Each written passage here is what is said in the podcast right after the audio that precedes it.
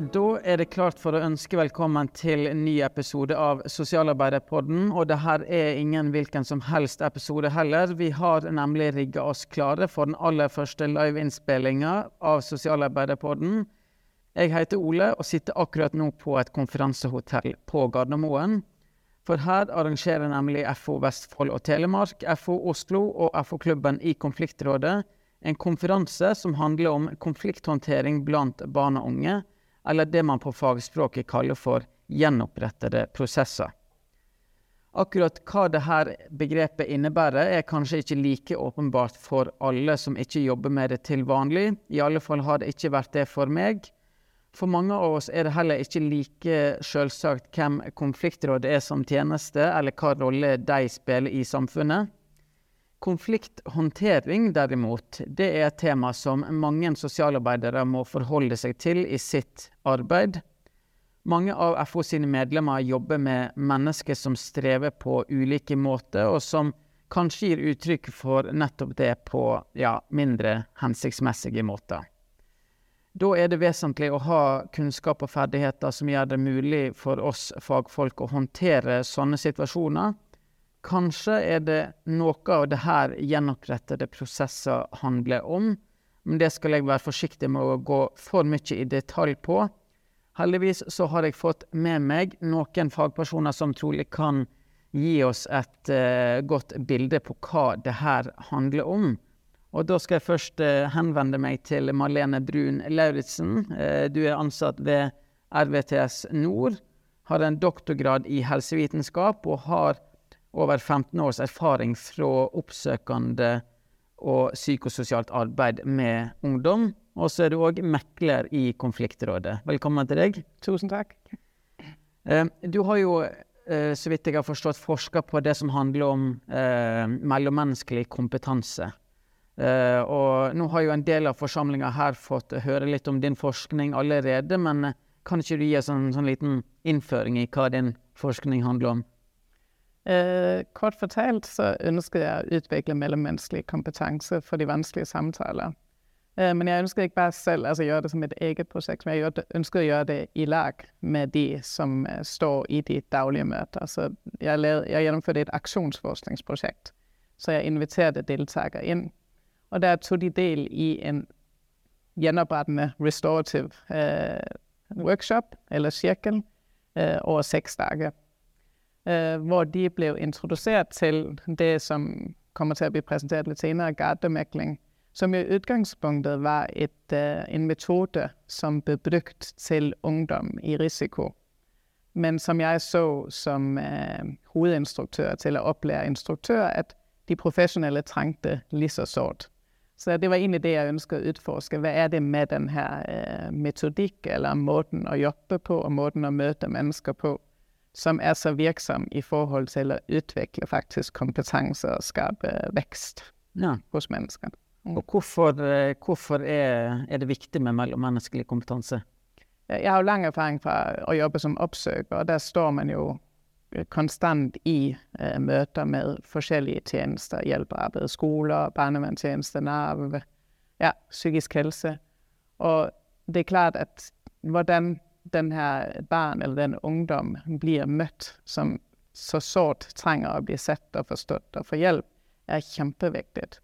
Uh, og det var ikke alltid de møter var like uh, bra. Så det å uh, gå bak og forstå ja, men hva er det egentlig Altså akkurat liksom vi prøver å forstå hva er det hva er det som ligger bak den her voldelige handling, men hva er det der ligger bak kynismen eller Øh, de negative holdninger hos ansatte som skal hjelpe mot de her ungdommer. Ja, Så du så på mange måter at det var et potensial for å kunne uh, møte og, og, hjelpe disse ungdommene på en bedre måte? Ja. ja.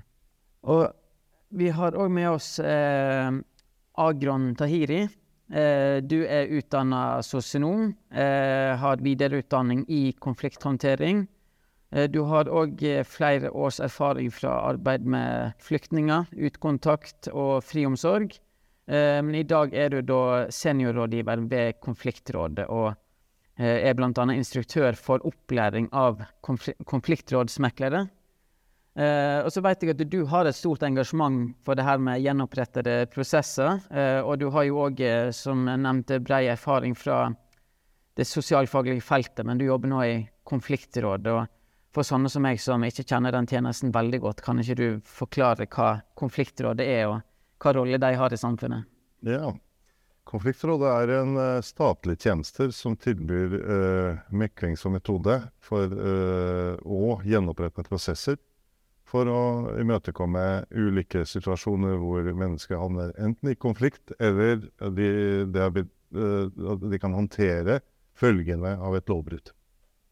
Og som sagt, Metoden kalles gjenopprettende prosesser, som innebærer at det legges til rette for at menneskene eller personer som er i en konflikt eller uh, har uh, blitt uh, både utsatt eller utført et lovbrudd, kan møtes og i fellesskap snakker om følgende og både, både, av det som har skjedd, følgende av det, hvilke konsekvenser det har hatt for alle, og forsøke å involvere kanskje andre som har blitt berørt av det. Så det har vært en intensjon som er blitt satt i praksis gjennom bruk av konfliktrådet i flere år. Og konfliktrådet behandler både sivile saker og straffesaker. Og det er eh, en fin måte å satse på ressursene eh, hos folk. Og få skape trygge eh, møteplasser, slik at de som er direkte berørt, og andre rundt dem, kan sette seg ned og få sagt hvordan dette har vært for dem, og finne løsninger for hvordan dette skal håndteres i framtida. Ja. Og hva, men hva er da um, hva er inngangen til konfliktråd? Hvordan kommer man i kontakt med dem? Vi forsøker å være så tilgjengelig som mulig. Lavtersk. Det er mulig å ta kontakt direkte med oss. Det er mulig å bruke nettsidene våre. Og ønsker man å For i hvert fall i sivile saker så uh, er det hvem som helst kan ta kontakt med oss. Nå veit at det å si hvem som helst betyr at det er altfor Det virker veldig enkelt, samtidig vanskelig.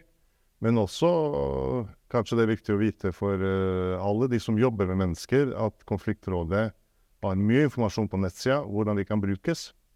Men det er også lov å ta kontakt og drøfte en mulig henvendelse med oss. Når det gjelder straffesaker, så er det saker som oversendes fra påtale og politiet. Som det er blitt uh, utarbeidet en siktelse eller vurdert at det er straffbare forhold. Men allikevel så tenker påtale her er en mulighet for å møtes gjennom dialog, snakke sammen om det som har skjedd, og finne gode løsninger for hvordan følgende skal håndteres. Ja. Så vi håper at uh, vi gjør oss tilgjengelig, men selvfølgelig, vi kan alltid bli bedre. Og det er nødvendig med å spre den informasjonen at konfliktråd og fredelig måte å løse konflikter gjennom dialog er viktig å minne folk om. Og når, når dere skal uh si, um, ha, legge til rette for dialog, så skjer det gjennom en mekling. Ja, I de sakene hvor det er uh, naturlig å mekle, så kaller vi det for mekling. I de sakene hvor det har skjedd alvorlige hendelser hvor det er ikke noe å mekle om, men ganske mye å snakke om, eh, så kaller vi det for tilrettelagte møter. For Da legger vi til rette at personer kan uh, møtes. altså De blir jo godt forberedt til å begynne med, altså slik at de frivillig, altså for det er samtykke. De må ønske den type prosess, og først så må de få informasjon. Hva går det til? Og disse møtene skal være godt forberedt, uavhengig om det er sivilsaker eller straffesaker. Og gjennom disse eh, Og i møtene så kan jo partene eller personene fortelle om sine tanker og følelser. Og både i forhold til hva som har skjedd, hvordan de har det nå, og ikke minst hvordan de ønsker å ha det i framtida. Ja. Og hvem er det som hvem er det som typisk er til stede i disse samtalene, om det så er mekling eller tilrettelagt? Uh, eh, møtene ledes av konfliktrådsmeglere. I Norge så har vi en lek, uh, uh, meklingsordning. Det betyr at det er vanlige folk som legger til rette for at vanlige folk møtes. disse vanlige folka som blir meglere i konfliktrådet, selvfølgelig får en opplæring og oppfølging for å kunne mestre den, den oppgaven, og de blir oppnevnt. Det fins meglere i alle kommuner, eller i hvert fall tilbudet er tilgjengelig i alle kommuner i Norge. Og så er det et uh, apparat som følger dem opp. Det vil si konfliktrådet har lokale kontorer i 22 lokasjoner i Norge. Så det er, skal være en likeverdig tilbud uansett hvor du bor i Norge.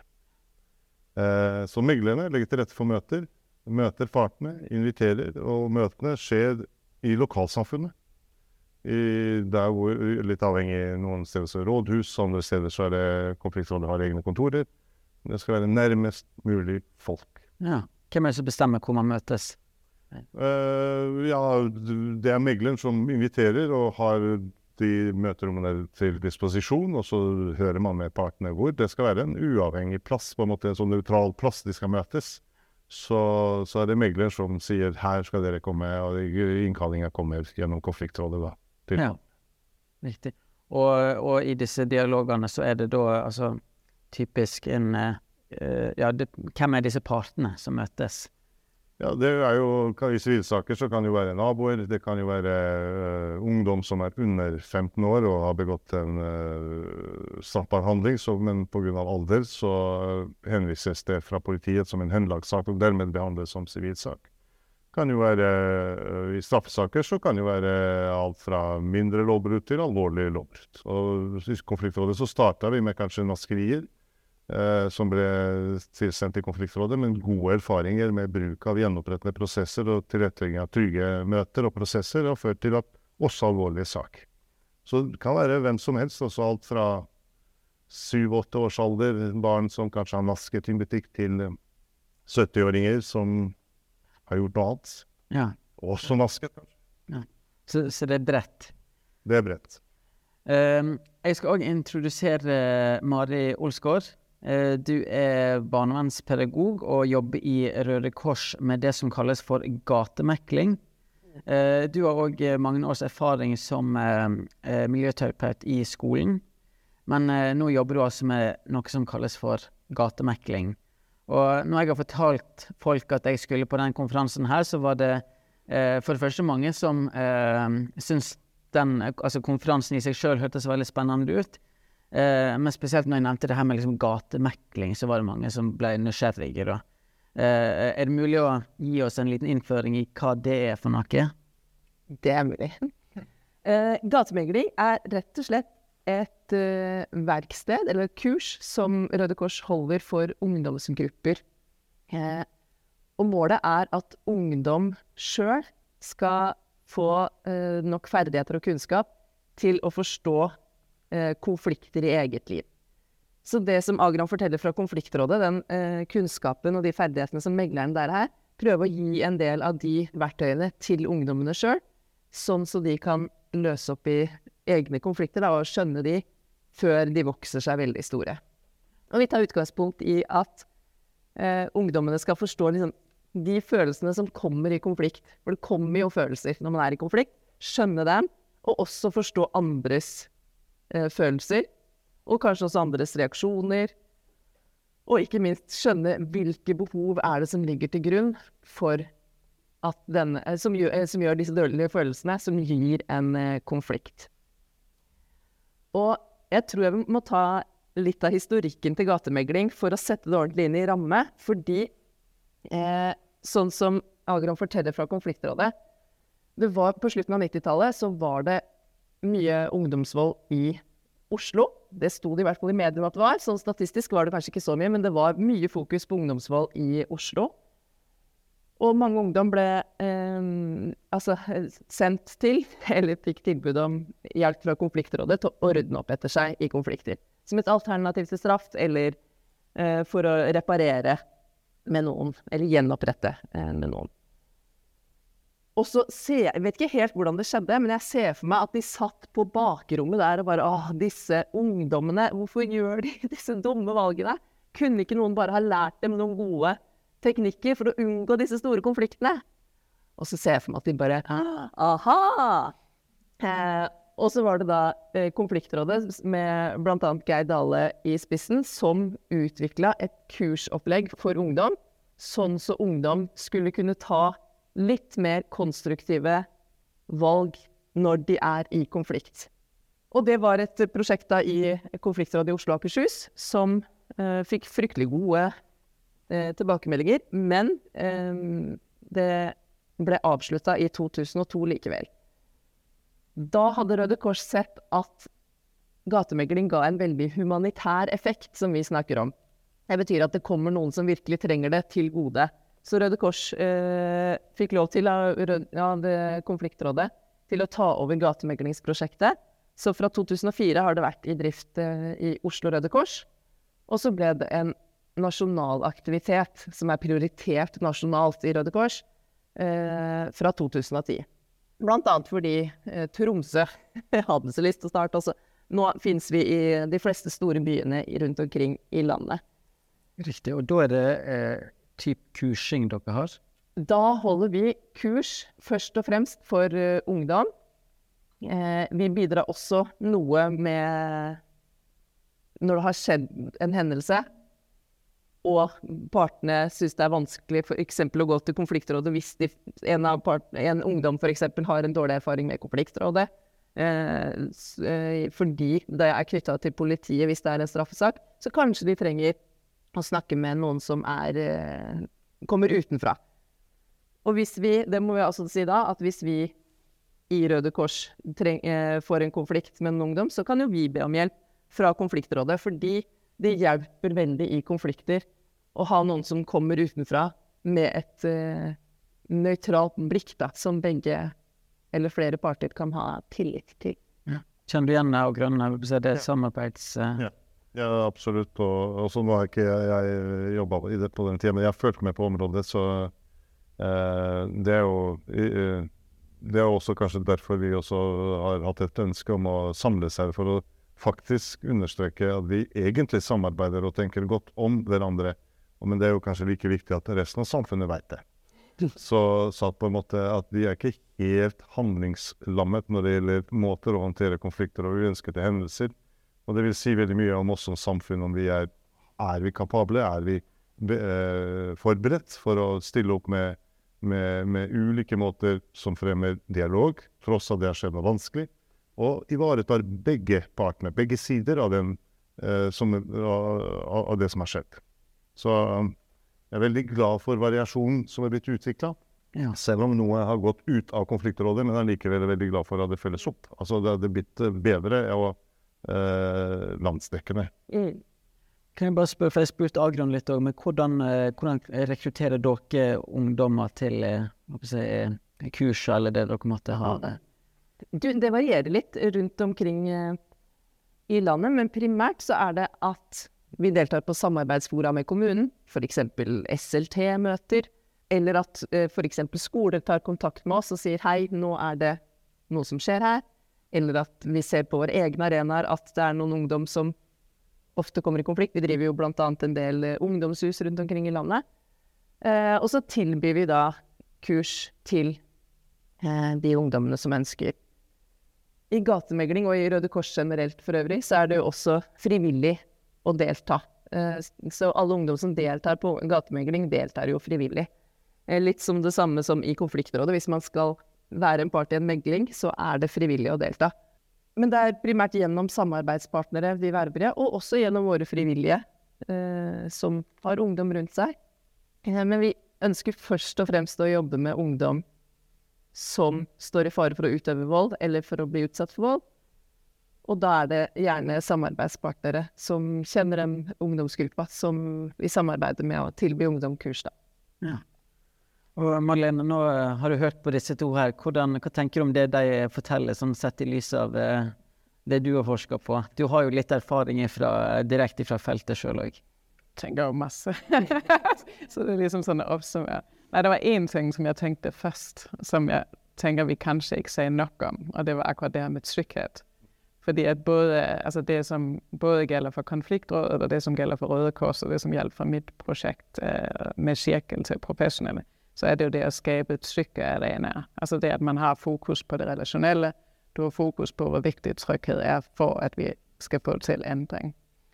Uh, og så en annen kommentar, men det var kanskje litt til hvilke begreper vi bruker. fordi når vi snakker om å håndtere konflikter Jeg snakket litt om det i går, men jeg tenker at vi skal ikke håndtere mennesker. Vi skal ikke håndtere, vi skal på en måte transformere. Og vi skal, ikke, vi skal skape endring. Uh, både i et samfunn eller i et ungdomsmiljø, men også i ungdommen selv. Så jeg har kanskje et litt annet perspektiv som uh, går kanskje enda dypere øh, når jeg har mm, på en måde både praktiseret, jeg har jo været instruktør i gardermækling i mange år, så jeg tænker det her med betydningen af at øh, blive opmærksom på min egen livshistorie, og hvordan ting, som har været i mitt liv, og ting, jeg har oplevet, og ting, jeg opplever nå, påvirker måten, som jeg reagerer på, og kan gjøre, at ting blir ekstra vanskelig for meg, og jeg kanskje reagerer ekstra mye, øh, fordi at vi er alle sammen sårbare, men kanskje er jeg ekstra sårbar, øh, og ikke uten grunn, altså med veldig, veldig god grunn. Så jeg tenkte i hvert fall på det her med trygghet, øh, og tænker primært for meg når jeg, Nå skal jeg ikke modsige, men det er jo litt sånn vi har alle sammen forskjellige perspektiver inn på de ting, vi gjør. Så tænker jeg, at jeg kanskje ikke hadde så mye fokus på at håndtere konflikter. Altså det, at de ble gode til å håndtere. Jeg tenker det var veldig viktig hvis det kunne bli en. Men mer det å forstå. Altså forstå de situasjoner de selv har vært i, eller er i hele tiden. Forstå, at når, eh, ikke at de skal, altså det viktigste er, at de forstår seg selv, men også forstå, når mamma eller pappa kjefter hele tiden, så handler det kanskje om, at de er der, eller de er utrygge. Uh, sånn at de på en måte får et andet perspektiv på, enn at pappa er slem, eller mamma er slem, eller at jeg er slem.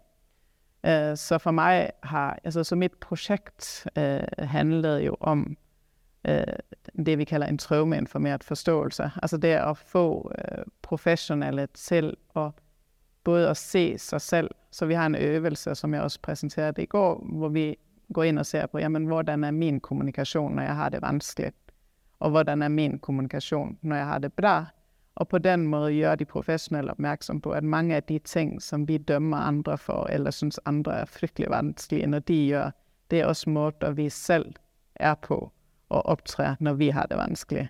Og på den anden måten også, når vi det, har det bra, når vi er trygge, så har vi også en annen kapacitet og mulighet til å gjøre bra ting, både for oss selv og for andre. Ja. For liksom å understrege betydningen av trygghet. Ja, Mari? Og til det med trygghet, så uh, tror jeg også at deltakerne på gatemegling uh, blir trygge i hvordan man kan stå i konflikter, men også i seg selv, da. Fordi vi, noe av metodikken er å øve igjen og igjen på en måte i det uh, samarbeidsorganisasjonen vår Trygg Læring, de kaller det å øve i fredstid, sånn så vi står godt når konflikten faktisk skjer. fordi da er det mange følelser som kommer på. Og jeg blir i hvert fall ikke fryktelig smart når jeg er sint. Eh, da klarer jeg ikke alltid å ta de beste valgene, men hvis jeg måtte ha øvd inn de gode valgene, så i hvert fall gir mange ungdommer tilbakemeldinger til oss om at ok, nå klarte jeg endelig å gå fra situasjonen, eller endelig klarte jeg å si fra til moren min, eller mm. ja. Så det handler på en måte om å gi ressursene tilbake, eller legge til rette for at uh, mennesker kan uh, nyttiggjøre egne ressurser? I Nei, hvis jeg bare må si én ting, for nå har vi ikke sagt så mye om det, for jeg, det jeg synes er så fantastisk, jeg synes jo gatemekling er fantastisk, jeg synes også, mekling, men det er jo noe med, at man ikke forteller ungdom, hvordan de burde oppføre seg. eller at du tar utgangspunkt i, at du har en vanskelig atferd, nå skal du lære å oppføre dig. Så utgangspunktet er, at det er du, som har kompetanse på konflikt. Vi ønsker å invitere deg inn, sånn at du kan få lov å dele med oss.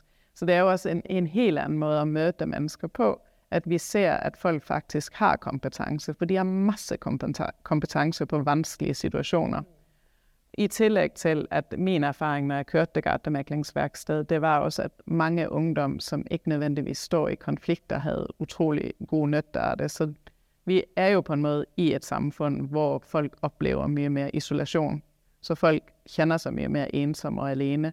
Og det å sette en cirkel, det å få mulighet for både å snakke om deg selv, eller lytte til andre, er ikke noe som... Altså, jeg, jeg husker, jeg sa, men det var med unge mænd, et, en workshop, og der husker, jeg det var en av de, som sa det her er faktisk første gang, jeg har sagt noe personligt om meg selv til noen. Og der er det en øvelse, hvor de deler to og to.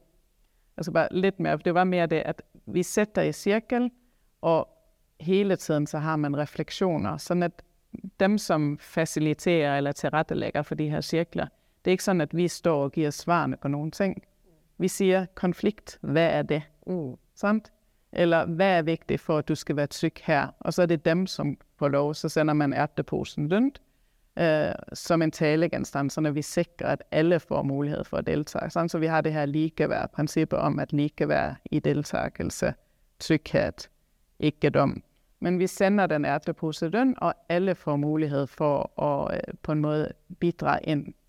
Øh, og, og allerførst har vi på en måde etableret det her med ikke-dom, at vi skal snakke for oss selv, og folk skal få lov å si det, som de har bruk for å få sagt. Ja. Mm. Og Agrun, du har jo eh, sikkert stått i mange krevende saker, så jeg ser på meg eh, hvis man skal eh, legge til rette for eh, to ungdommer i, i, som er i en konflikt. Eh, hvordan legger man til rette for eh, trygghet i mekling da, f.eks.? Ja, Det er jo veldig viktig det Malene også sier, det for å skape den, den tryggheten. Eh, jeg tenker at det gjenopprettende prosesser er også basert på at det skal være trygghet, det skal være tillit, også, men samtidig også ha en dose relasjon. Det betyr å invitere som et uh, upartisk uh, megler til et, en prosess og legge til rette for at uh, først og fremst få informasjon hva man kan gå til.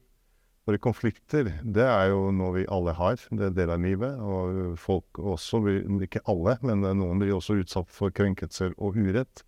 Det skaper mange behov. Det har allerede skapt en del følelser, og det er fortsatt følelser. For at folk, ungdom, men også voksne, kunne sette ord på de følelsene, vil jo være en god start. Men da trenger det å, å skapes en trygghet, en tillit. Å sette ord på følelser er også en grobunn for en refleksjon både hva dette har gjort med meg, men også hva har det gjort med de andre. Å høre den andre.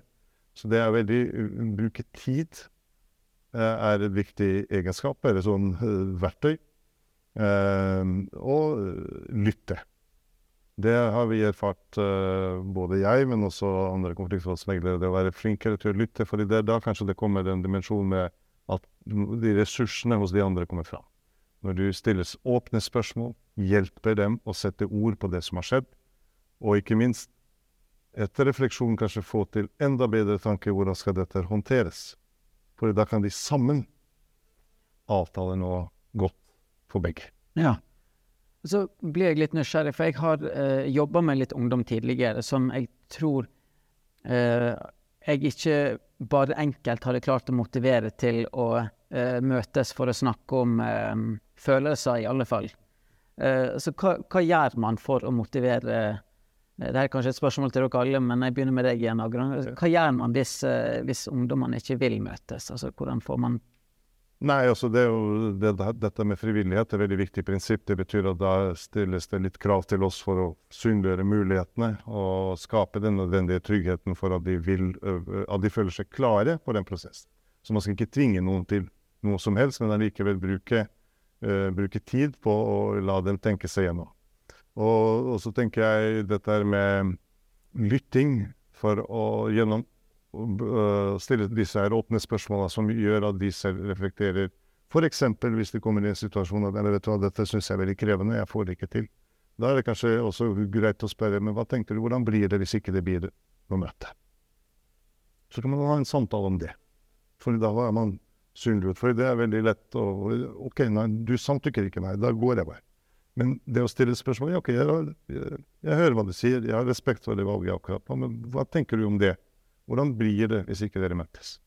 Hva om dere møtes på kjøpesenter, tilfeldig, og da har dere ikke snakket om dette, for nå har det kommet en del fra. Så vet ikke hva dere andre Mari? Ja, min erfaring er at uh, meglerne i konfliktrådet er uh, veldig gode til å motivere uh, både unge og voksne til å delta i disse prosessene. Og jeg tror også det har noe med å gjøre at det kommer noen utenfra som er veldig gode på å lytte, og vil høre hva Altså, målet er på en måte å finne ut det, hvordan kan du, hva er det du ønsker, hva er det du trenger for at dette skal bli bedre. Eh, eller det er et av målene. Og når man blir møtt med en sånn eh, lyttende holdning, så skaper det en trygghet til å måtte kanskje ville gå videre i prosessen. Der. Og så er det jo mange av de her ungdom, så det de sliter aller mest med, det er jo det at de ikke har vært sett og hørt hverken barnehage, skole, hjemme over veldig mange år. Så for dem så kan det jo være en utrolig lettelse det at det er noen som endelig har lyst til å høre på dem, altså uten å dømme dem, og bare høre på at de forteller. Og en sånn ting, som jeg i hvert fall er veldig opptatt av når jeg har, nu har jeg en del av de ungdomssager, hvor det er vold, men det er jo selvfølgelig, fordi jeg synes, at det er, de mest, det er jo kanskje de mest utfordrende for mange, men, men det her med å invitere dem inn til et formøte først og fremmest, altså, det, altså de trenger ikke å si ja til meklingen, men at hvis jeg får begge to inn til et formøte hvor de får mulighet for å snakke igjennom eh, hva der har skjedd, og hvordan de er berørt av det, som har skjedd, og hva de følte og tænkte, og hva de tenker nå, så giver du også dem en mulighet til å få bearbeidet, sånn, at de faktisk kan kanskje gjenopprette eh, relationen til seg selv. Og så hvis jeg må si en ting til. Nei, jeg bare synes, at det er et annet ting, som vi noen gang glemmer, og vi har snakket litt om det i går og i dag, at en ting er på en måte de skadede relationer imellem mennesker, vi møter, om det er gattemekling eller i mekling. Men en ting er jo også den skade, som vi som system påfører barn og unge med det system, det skolesystem, vi har nå, hvor der er så mye fokus på prestasjon og konkurrence. Og det er klart, at flere og flere vil falle ut, og flere og flere barn og unge får psykiske lidelser, fordi der er så stor pres på præstation. Får jeg lov at sige det her ting? Jeg tænker bare, det var kjempeviktig da. Og, nej, men det her med at få frem, at forældre også slidt fordi der er så mere pres på i samfundet. Øh, sådan at, at, og det har vi også snakket lidt om. Uh, altså, så en ting er mæklingen. Den giver et pusterum til at faktisk at være os selv og snakke om os selv. Cirklen giver det samme pusterum, som de professionelle jo trænger så sårt. Og det er jo også professionelle, som sidder i cirklen og siger, men det her det er første gang, at jeg opplever at noen faktisk har vært interessert i å høre om meg. Og det her det hjelper, og det er folk, som sitter og skal lytte på andre sine utfordringer hver eneste dag. Og vi hadde også en samtale i går kveld, men i forhold til det her med veiledning Altså det her for, for mulighet til å snakke om alt det vanskelige, du står i. Ikke at vi skal snakke dårligt om dem, som opplever alt det her vanskelige, men det å få mulighet for å snakke om, hva det gjør med oss. Ja. Sånn at vi kan bli bedre i de møter da. Jeg vil tro at uh, altså, uh, en av hva skal jeg si, kritikkene mot uh, mekling som Eller liksom det å legge til rette for å gjenopprette prosessene, kan være at man har man har veldig mye fokus på gjerningspersonen, og at man kan risikere å glemme offeret litt oppi det hele. Er det noe man må være ekstra bevisst på, eller hva, hva etiske dilemma er det eh, ser dere for liksom, å legge til rette for eh, gode prosesser? Mm. Altså Utgangspunktet for gjenopprettende prosesser at begge skal ivaretas. Også det er snakk om likeverdige mennesker som skal møtes på en god måte. De har forskjellig ansvar, særlig der hvor det har blitt begått en krenkelse overfor handlingen. Så man prøver å skille mellom handlingen og personen, eller handlingen og ungdommen. fordi da klarer vi å ta opp det som har vært krevende. Men begge parter skal ivaretas. Og det var apropos det Marlene sa, også Konfliktrådet de siste åra har vært enda mer opptatt av forsamtale, de forberedelsene. Og vi har til og med kalt det at forsamtalens egenverdi Altså bare det å sette fokus på forberedelse med begge parter like mye, for å fortelle dem, kanskje litt folkelig sagt nå, at du har gjort noe som ikke er greit. Du også er utsatt for noe som ikke er greit. Begge to er del av oss. Vi er sammen. Så megleren, selv om en utfører en upartisk rolle, klarer å symbolisere at samfunnet er opptatt av det har skjedd noe i, i den situasjonen, og at de kan nå sammen håndtere det bedre, eller si rette opp, eller reparere, eller gjøre godt igjen. Men ved å, å ivareta begge partene. Det er det som er gjenopprettende prosessets uh, et av grunnprinsippene, eller selve verdien. Verdigrunnlaget og prinsippene er der. Mm. Så absolutt. Uh, det kan gis et inntrykk som om gjerningspersonen får mer. uh, fordi kanskje gjennom straffesaksprosessene vil jo tenkes at de slipper straff. Men uh, det, dette er tøffe møter. De får mulighet til å ta ansvar, de får mulighet til å lære. Men det gjelder også den som er utsatt. Får mulighet til å stille spørsmål. Mm. Hvorfor gjorde du det? Hvorfor akkurat meg? Marlene, du snakket om det her med likeverdighet i trygghet. Er det, eh, er det en grense der, eller hvordan balanserer man det? Jeg tror jo ofte at det var også både hun Anne Mikke fra Holland som hadde innlegg i går, men det her med å løfte opp at Altså det her med, når folk ikke snakker, når folk ikke forteller om et seksuelt overgrep, så handler det ofte om, at de, ikke, at de er redd for ikke å bli trodd. Sånn at jeg tror at det viktigste Og det er jo noe med at hver en kan på en måte tenke på hva er det jeg har bruk for når noen har gjort meg noe. Jeg tror de fleste av oss kan tenke at det er faktisk at den personen som har gjort det, tar ansvar for det de har gjort. Så ikke det at du sier unnskyld, for det sier egentlig ikke noe, men det at du faktisk kjenner og hører at den personen har lyttet til deg, har hørt hva det har gjort med meg, og tar ansvar for det de har gjort. Så, det, så, så, hvis vi har offer inn altså For noen ganger så er det også altså parter som begge to har gjort ting mot hverandre, sånn at det ikke bare er én som har gjort noe. Og det får man jo også frem, så begge parter får mulighet for å ta ansvar for noe. Og i noen saker, hvis det f.eks. er snakk om seksuelle overgrep, så er det jo det å gi den personen en mulighet til å fortelle i en trykk til en person hva det har gjort med dem. Og, og, du setter en annen ting som jeg tenker er viktig i forhold til forberedelse, det er jo at vi, vi setter jo alle to personer sammen hvis vi ikke vet at den som har utført en alvorlig krenkende handling, har på en måte at vi er trygge på at de tar ansvar. Så det er jo noe som virkelig legger ved oss. Eller at de i hvert fall har sagt altså Det kan være i forberedelsen at, at du har sagt jeg har i hvert fall sagt meg villig til å lytte med respekt på den som jeg har krenket. Og det kan være nok for den som har vært utsatt, sier ja, men hvis han bare vil lytte på meg, så er det nok. Så vi må også hele tiden snakke med partene og finne ut av hva det de har behov for, i stedet for at vi tenker at det er oss som bestemmer hva de har behov for. Så må vi høre på den. Mm. Helt tydelig viktig del av, eh, av eh, prosessen, eh, det òg. Eh, Mari, dere har jo eh, jobba sånn, for å gi på en måte ungdommene verktøy eh, sjøl på mange måter for å, for å eh, stå i konflikter. Hva er tilbakemeldingene dere får fra disse ungdommene dere er i kontakt med? Du, det vet jeg nesten ikke om jeg tør å dele, fordi det høres ut som jeg ljuger. Eh, men det, de er latterlig gode, holdt jeg på å si. Nå er det jo frivillig å være med på gatemegling, så de eh, Ja, men eh, deltakerne som går på gatemegling, sier at eh, Over 90% sier at disse verktøyene tar jeg i bruk i livet mitt. Dette er nyttig i livet mitt. Vi ble litt sånn overraska over at eh, 40 sier også jeg fikk mye høyere selvtillit og det du snakka om i stad også, Malene um, Veldig mange sier at er, nå har jeg i denne sirkelen delt noe som jeg aldri har delt før. Og det er etter bare seks kvelder med kurs sammen, liksom. Uh, to timer fordelt uh, eller, ja, per uke.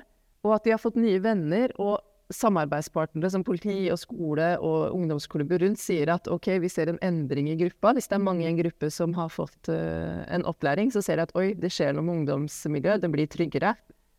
Og de, ja, så rett, vi får veldig gode tilbakemeldinger på at vi både når de målene som måte, var utgangspunktet, at vi ønska å gi ungdom verktøy til konflikthåndtering, men også en del ting eh, som virker inn på en bedre psykisk helse, da. Mm. Uh, som trygghet og ja, økt selvtillit og nettverk. Mm. Vi begynner å nærme oss litt sånn avrunding her, men uh, hvis vi skulle sagt noe om eh, Altså, her er det jo fagfolk fra eh, hele landet, fra ulike tjenesteområder, og sånn er det òg eh, blant lytterne på Sosialarbeiderpodden. Så hvis dere skulle sagt noe om hva er overføringsverdien av ja, det dere gjør på et konfliktråd, Agran? Hva er overføringsverdien til andre felt? Ja, jeg tenker at det er veldig viktig å tenke at det å legge til rette for at folk søker seg til dialog, ikke opplæres til å, de, om dialogen, men at de, de, må stole på at de også ønsker det. Og de har noen ferdigheter eller noen uh, si ressurser som allerede ble nevnt her. til det. Det er, det er veldig viktig at det legges til rette. Altså At uh, hjelperne også tenker på det, at her er det i, i kraft av ressurs og myndiggjøringsperspektivet at her møter du et menneske som kan noe. De vet best hvordan situasjonen deres, uansett hva de skal endre, kan løses, og hvilke ressurser de har. Og så tenker jeg kanskje det er litt viktig å tenke at dialogen eh, vi må, vi må vi, vi, eh, Når vi er i dialog, så må man ikke godta alt som blir sagt. Det betyr ikke at du skal være enig i alt, men det er bare at du ønsker og har mot for å møte den andre. Så møter du også muligheten for å få flere perspektiver, og dermed kanskje gjøre noe med deg også, selv om du tenker noe om det uh, før du går i møte. Uh, og på den måten utvikle deg selv. Men kanskje også det du skal fortelle til den andre, vil bidra til at den andre utvider perspektivet. Så jeg tenker at det er hjelperne. Tenk at det er en utviklingsmulighet. Både for å rydde opp i det ubehagelige, hvis det er en krenkelse som har skjedd, men også fordi det er viktig å lære. Tenke utvikling, læring, men alltid i kraft av at folk har ressurser. De skal ikke formes av noen andre, men fordi de ønsker det. Jeg vet ikke hva dere andre Marlene, vil du Nei, jeg vil bare si kort. Så tenker jeg at det her det er jo nyttig i alt, eh, altså all menneskelig samhandling. Og så hvis jeg skal si en ting, så er det på en måte det her med å huske betydningen av at du er syk. Og for at du skal være trygg for andre, så må du på en måte jobbe med din egen trygghet i situasjoner. Og de her barn og unge som har opplevd så mye vondt, de trenger ekte mennesker. De trenger autentiske mennesker. Altså, så, så jeg tenker det her med å hvis du har maske på, så skjønner de det. Sant? Og de kommer ikke til å åpne seg for det. De kommer ikke til å eh, bygge relasjon med deg. De vil ha et menneske. Eh, så, det, så, det, tenker jeg er veldig viktig. Så prøv å se på hva du trenger for å være ekte. Mm. Ja, litt av overføringsverdien syns jeg er det å ja, se seg sjøl i relasjoner og konflikter. Se seg sjøl utenfra. Eh, på en måte å se eh, hva som ligger mellom da, en ungdom og eh, meg som sosialarbeider, f.eks. Og jeg merka sjøl at da jeg fikk lært noen av disse verktøyene, så plutselig så var det bare sånn Å ja! Jeg må be om hjelp fra noen andre ja, som kommer utenfra. For, at, for det er vanskelig å stå i en konflikt og samtidig både være i hjelperollen og være i en konflikt. Det er eh, vanskelig. Så å be om hjelp og se seg sjøl utenfra, det er veldig nyttig i alle sosialarbeideryrker, syns jeg. Ja. Det er gode budskap å runde av med, tenker jeg. Eh, Mari Malene Agron, tusen takk for eh, samtalen. Og eh, tusen takk òg til, eh, til at, ja, for at dere har gitt oss et enda bedre innblikk i det her eh, viktige feltet. Takk òg til FO Vestfold Telemark, eh, FO Oslo, og FO-klubben i Konfliktrådet for å arrangere denne konferansen, og ikke minst for at Sosialarbeiderpodden for første gang fikk gjennomført en live innspilling. Det her har eh, vært eh, moro, og ikke minst lærerikt. Og så må jeg si takk til eh, publikum i salen, som har forholdt seg forbilledlig i ro, må jeg si. men de har ikke sovna til de som ikke kan se dem. men takk òg til dere som lytter til sosialarbeiderpodene rundt omkring i Norges land. Vi finnes på Spotify, iTunes og der man ellers hører på podkast. Hvis man trykker på følg eller abonner, så får man enkelt beskjed om når neste episode er klar. Tips gjerne en venn eller en kollega om å gjøre det samme. Vi er tilbake jevnlig med nye episoder. Inntil neste gang, ha fine dager på jobb og fritid. Husk at de fleste konflikter har en løsning, og takk for at dere lytter til Sosialarbeiderpodden. Vi høres.